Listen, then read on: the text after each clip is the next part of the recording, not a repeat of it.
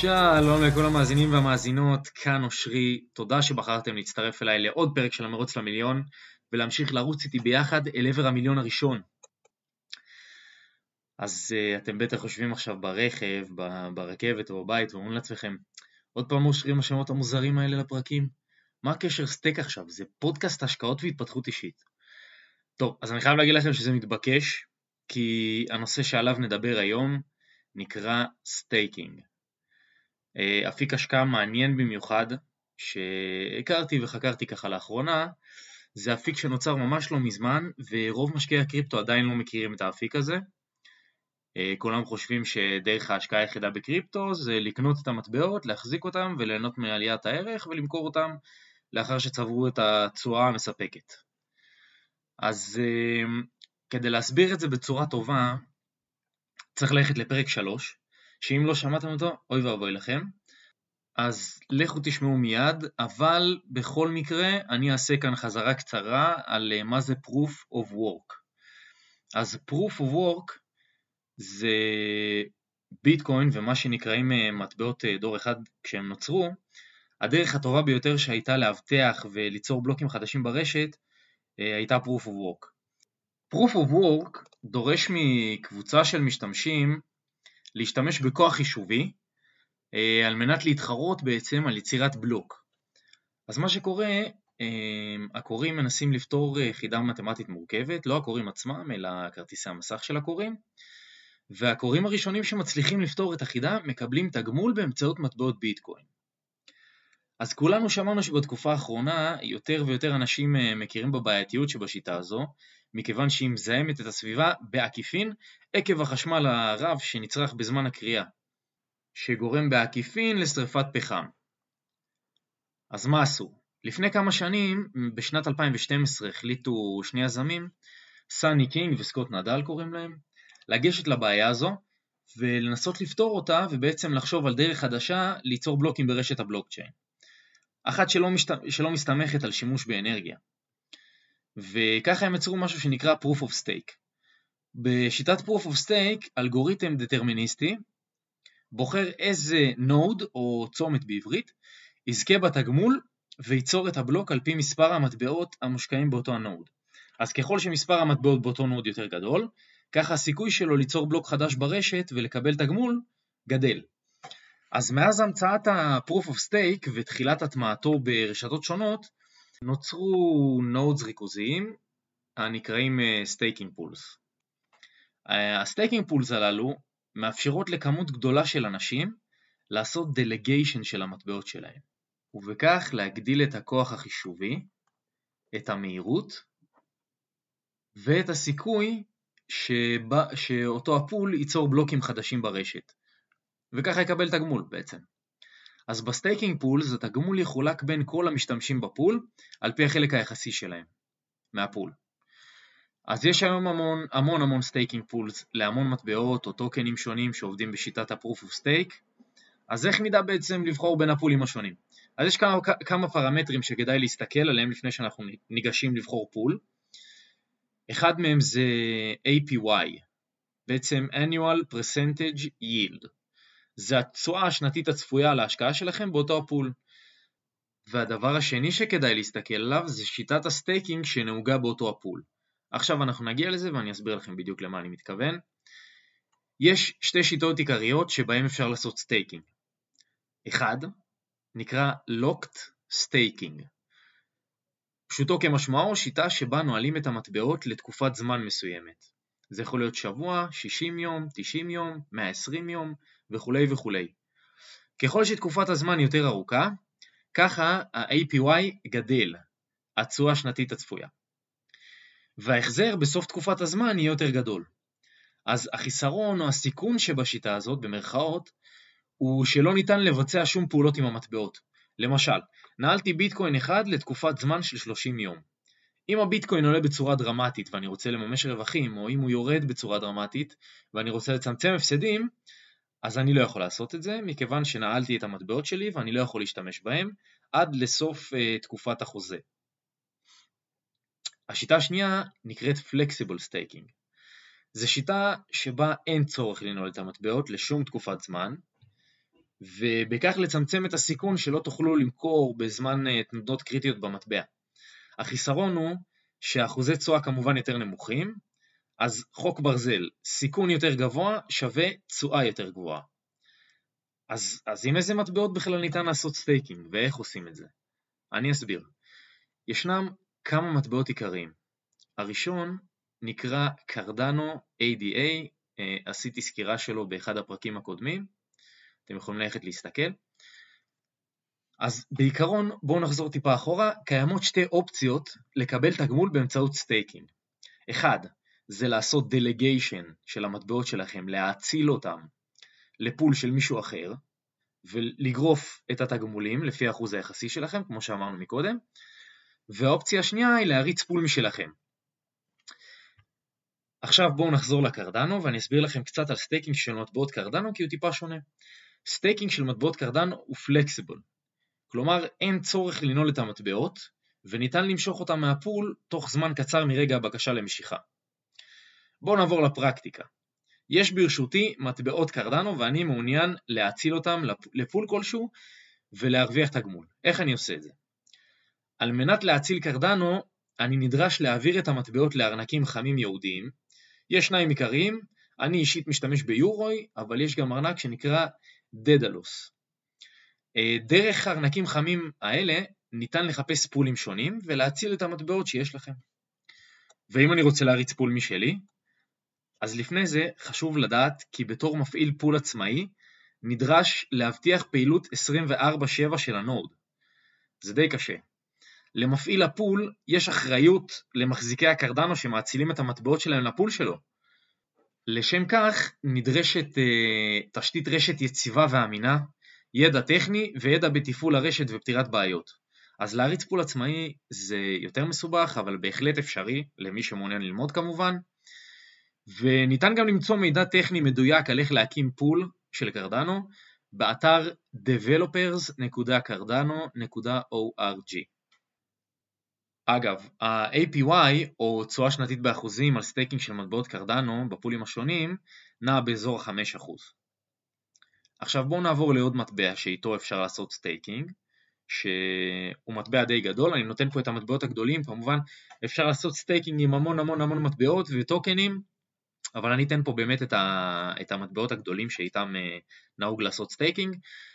אז המטבע השני הוא אה, דוט, אה, בקיצור, או פולקדוט. אז לגבי פולקדוט, גם כאן יש אפשרות או להריץ pool, או להאציל ל pool קיים, אבל כאן שיטת התגמולים עובדת בצורה טיפה שונה.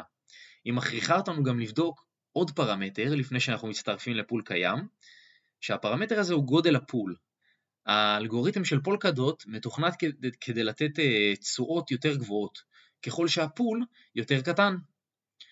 אז אה, צריך לקחת גם את זה בחשבון, וניתן להציל אה, מטבעות פולקדוט דרך ארנק שנקרא polkadot.js. ניתן להוריד את זה כהרחבה לגוגל כרום, והתשואה השנתית באחוזים על מטבעות הפולקדוט עומד כרגע על כ-13%. וכמובן, המטבע השלישי, שאי אפשר להתעלם ממנו, רשת האתריום. האמת שאתריום בדיוק בימים האלה, ממש, אה, הוא באמצע המעבר מ-proof of work ל-proof of stake. והרשת תיקרא אתריום 2.0, למי מבינינו שמחזיקים אתריום או מתכנן להחזיק, לא תהיה שום השפעה בצד של המשקיעים/סוחרים, אה, אולי עליית ערך, אבל מבחינת מסחר והשקעה לא יהיה שינוי, וניתן כבר עכשיו לעשות staking לאתריום, אבל שימו לב, אתריום 2.0 צפוי לצאת בסוף השנה, אבל לא, אי אפשר לדעת מתי זה באמת יקרה. אה, ככה זה פרויקטים של תוכנה בדרך כלל. עד שאתריום 2.0 לא ישלים את המעבר, לא יהיה ניתן למשוך את התגמולים, צריך לקחת את זה בחשבון. אז אני חייב להגיד לכם בתור מישהו שנורא נורא אוהב השקעות ונורא אוהב את אה, עולם הקריפטו במיוחד ואת שוק ההון, שאני נורא מתלהב מאפיקי ההשקעה החדשים האלה שנוצרו בתחום הקריפטו, בעולם הקריפטו, שהיום כבר אפשר להשקיע בקריפטו ולהרוויח תשואה שהיא יחסית פסיבית מבלי לסחור בו, ולא צריך אה, רק לקנות את המטבעות ולחכות שהערך שלהם יעלה ואז למכור אותם בגבוה. אה, זה דבר מעולה בעיניי, שנוצרים ככה אפיקי השקעה חדשים והזדמנויות חדשות לאנשים להרוויח כסף מהכסף שלהם. וכמו שראינו את ה staking, אפשר להגיד שזה נורא נורא דומה לקרנות השתלמות שאנחנו מכירים היום, קופות גמל. אה, גם בהם יש חשיפה לשער המטבע כמובן, אבל אה, המטבעות שלנו, מטבעות הפיאט, שקל, דולר, יורו וכולי, אה, התנודתיות שלהם יותר קטנה ולכן האפיקים האלה קצת יותר בטוחים מלעשות staking למטבעות קריפטו. מה גם שבדרך כלל אה, קופות הגמל להשקעה או קרנות הפנסיה או קרנות ההשתלמות אה, מושקעות במסלול מסוים שיש לו אחוז חשיפה מסוים למניות וככה בעצם מנסים לצמצם את הסיכונים בככה שמשקיעים קצת במניות, קצת באג"ח ומפזרים את ההשקעה ומקטינים את הסיכון. אבל מי שיש לו כבר קריפטו ולא מעוניין לסחור בו, במיוחד בתקופות כאלה, כאלו של דשדוש, שאין איזושהי מגמה ברורה וחדה, ורוצה בכל זאת להרוויח קצת כסף על הקריפטו שלו ולהרוויח קצת תשואה, לדעתי זה אפיק השקעה מאוד מאוד מעניין. טוב, אז חברים, אנחנו ככה לאט לאט אה, מתקרבים לסוף הפרק, ובטח ניחשתם לעצמכם, הגיע הזמן לפינת ההתפתחות האישית.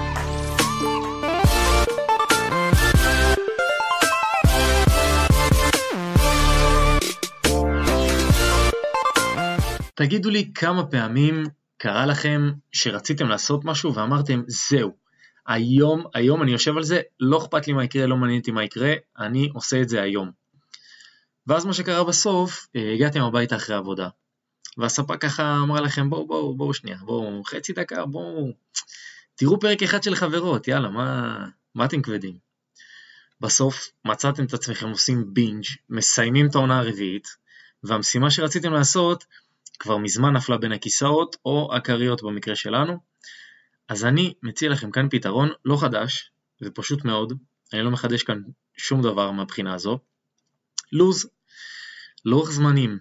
אני יכול לומר לכם שלי באופן אישי יש לוז יומי עם כל המשימות והמקום שלהם בסדר עדיפויות, אבל אני מוגזם ואני מאוד אוהב לוזים. אז תתחילו בלשים בלוז שעה במוצ"ש שבה אתם יושבים ומארגנים את הלו"ז להמשך השבוע. אני עושה את זה בסדר הבא. מה אני חייב להספיק השבוע? מכניס ללו"ז. מה אני צריך להספיק השבוע? מכניס ללו"ז. מה אני רוצה להספיק השבוע? מכניס ללו"ז. וכמה זמן פנוי חשוב לי שיהיה לי השבוע. שימו לב, קודם כל מה אני חייב. מה יגרום נזק אם אני לא אספיק אותו השבוע? למשל משימה לעבודה, תשלום קנס וכולי. אחר כך, מה אני צריך להספיק השבוע? מה אני צריך להספיק כדי לעמוד ביעדים שהצבתי לעצמי?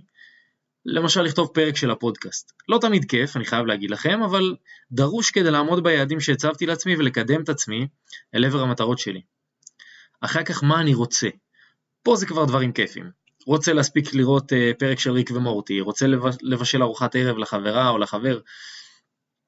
ואחרון חביב אבל חשוב מאוד, כמה זמן פנוי חשוב לי שיהיה לי השבוע. חבר'ה, אל תעמיסו על עצמכם, תשאירו חלונות פנויים בלוז, זה יעזור לכם גם להרגיש פחות לחץ וגם ייתן לכם מרחב תמרון שיאפשר לכם להספיק כל מה שכתוב בלוז. אז בנימה אופטימית זו, נעבור לפינת המטבעות והמניות.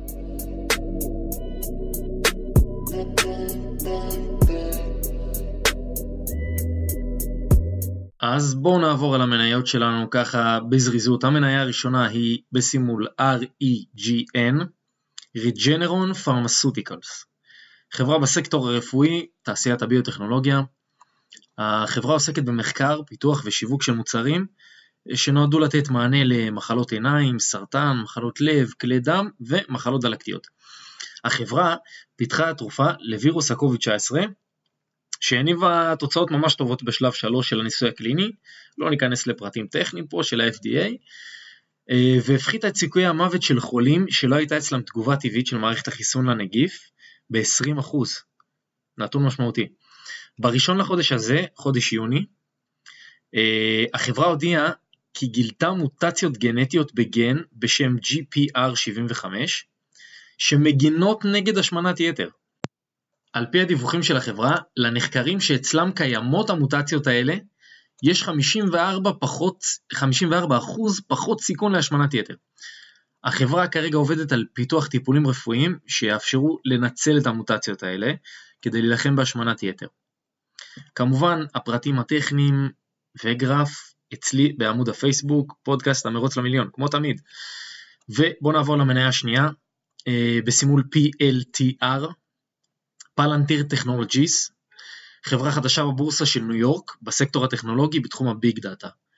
אה, הונפקה בספטמבר 2020, החברה מספקת לארגונים פתרונות איסוף וניתוח נתונים. בשנת 2008 החברה שחררה את פלטפורמת התוכנה Foundry, למי שמכיר, על מנת להתרחב לשוק התעשייתי ולהוות מערכת ניהול נתונים לחברות. אז החברה מאז ביססה המון קשרים ושותפויות, ב-18 ליוני היא חשפה חוזה עם ה-FAA, שבו היא תספק כלי לניתוח נתונים שיעזור ל-FAA לקדם את מטרותיהם בשמירה על בטיחות בתעופה. ה-FAA זה מנהל התעופה האמריקני, אה, דיברנו על זה בפרק הקודם אם אני לא טועה. אוקיי, בואו נמשיך. החברה נותנת דגש רב על השקעות של ההון העצמי שלהם, בעיקר בחברות ספאק. ספאק, אולי אנחנו נדבר על זה, אתם מוזמנים לקרוא באינטרנט בינתיים, אולי אני אפילו אעשה על זה פוסט בעמוד שלי. בינתיים בואו נמשיך, והשקיע ברבעון האחרון 132 מיליון בקניית מניות של חברות שונות. רובן חברות טכנולוגיה, אבל באמת בתחומים שונים ומגוונים כמו קמעונאות, רכב, רובוטיקה, ביוטכנולוגיה, ואפילו בחברה שנקראת ליליום, המפתחת מוניות אוויר חשמליות, חברה גרמנית. אישית, אני מאמין שההשקעות המגוונות האלה יכולות לתרום המון המון לצמיחת ההון של החברה, וליצור בסיס כלכלי חזק בגלל הפיזור של ההשקעות האלה. ובשנים האחרונות אנחנו מבינים יותר ויותר שנתונים הם מצרך יקר, והמון חברות מוכנות לשלם עבורם, בין אם זה בשביל האיסוף של הנתונים, או הניתוח של הנתונים, ובמקרה של פלנטיר טכנולוגיז, קורה פה שני, שני הדברים. אוקיי, אה, בואו נעבור למטבעות. המטבע הראשון, TRX טרוניקס, זה טוקן שרציתי המון זמן לעשות עליו אה, סקירה. TRX הוא הטוקן הרשמי, הראשי והרשמי של רשת טרון, ובואו נתחיל קודם קצת עם רקע על הרשת. הרשת היא פלטפורמה מבוזרת, מבוססת בלוקצ'יין, בתחום המדיה ושיתוף הקבצים.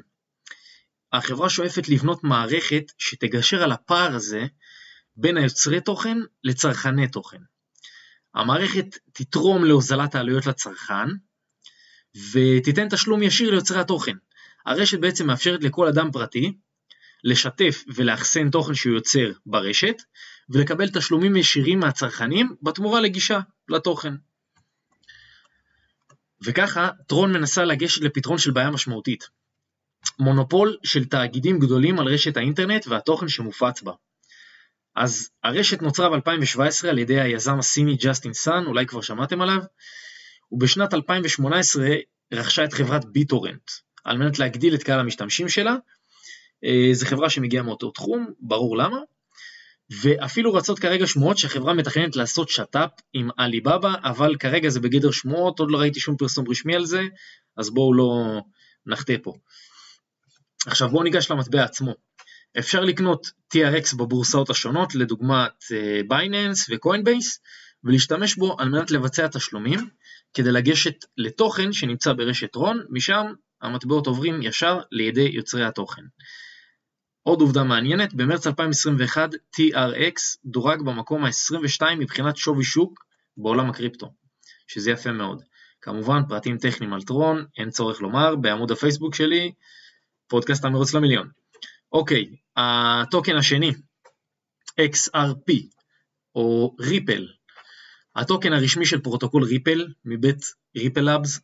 פרוטוקול Ripple הוא פרוטוקול open source, שפותח על מנת להוזיל את עלויות ההמרה בין מטבעות, קריפטוגרפיים או פיאט, אה, ולשמש כמערכת סליקה מיידית מבוזרת. כמו מערכת זהב או SWIFT, למי שמכיר, משתמשים בזה בבנקים, הטוקן שוחרר ב-2012 על ידי קריס לארסן וג'ד מקיילב.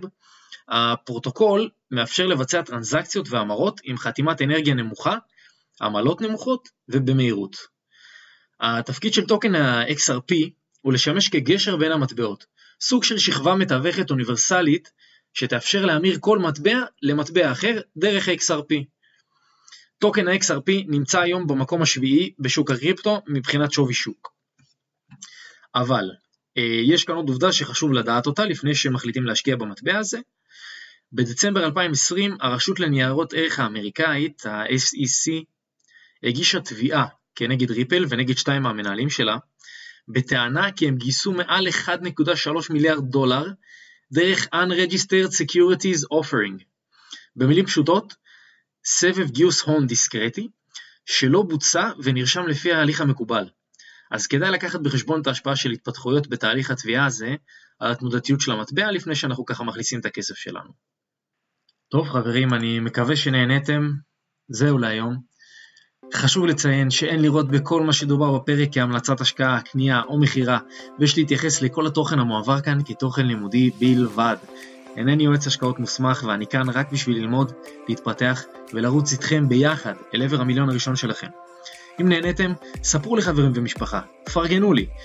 תזמינו אותם לרוץ איתנו ביחד אל עבר המיליון. בינתיים, עד השבוע הבא, מוזמנים לבקר בדף האינסטגרם The Race קו תחתון to the million, בדף הפייסבוק שלנו, פודקאסט המרוץ למיליון, שם גם תוכלו לראות את הסקירות המלאות עם תמונות של המטבעות והמניות שאציג בכל פרק, ותוכלו גם לשאול אותי שאלות, להציע רעיונות, מטבעות או מניות שבא לכם שאני אזכור. בינתיים, שיהיה שבוע ירוק לכולנו, ניפגש בשבוע הבא.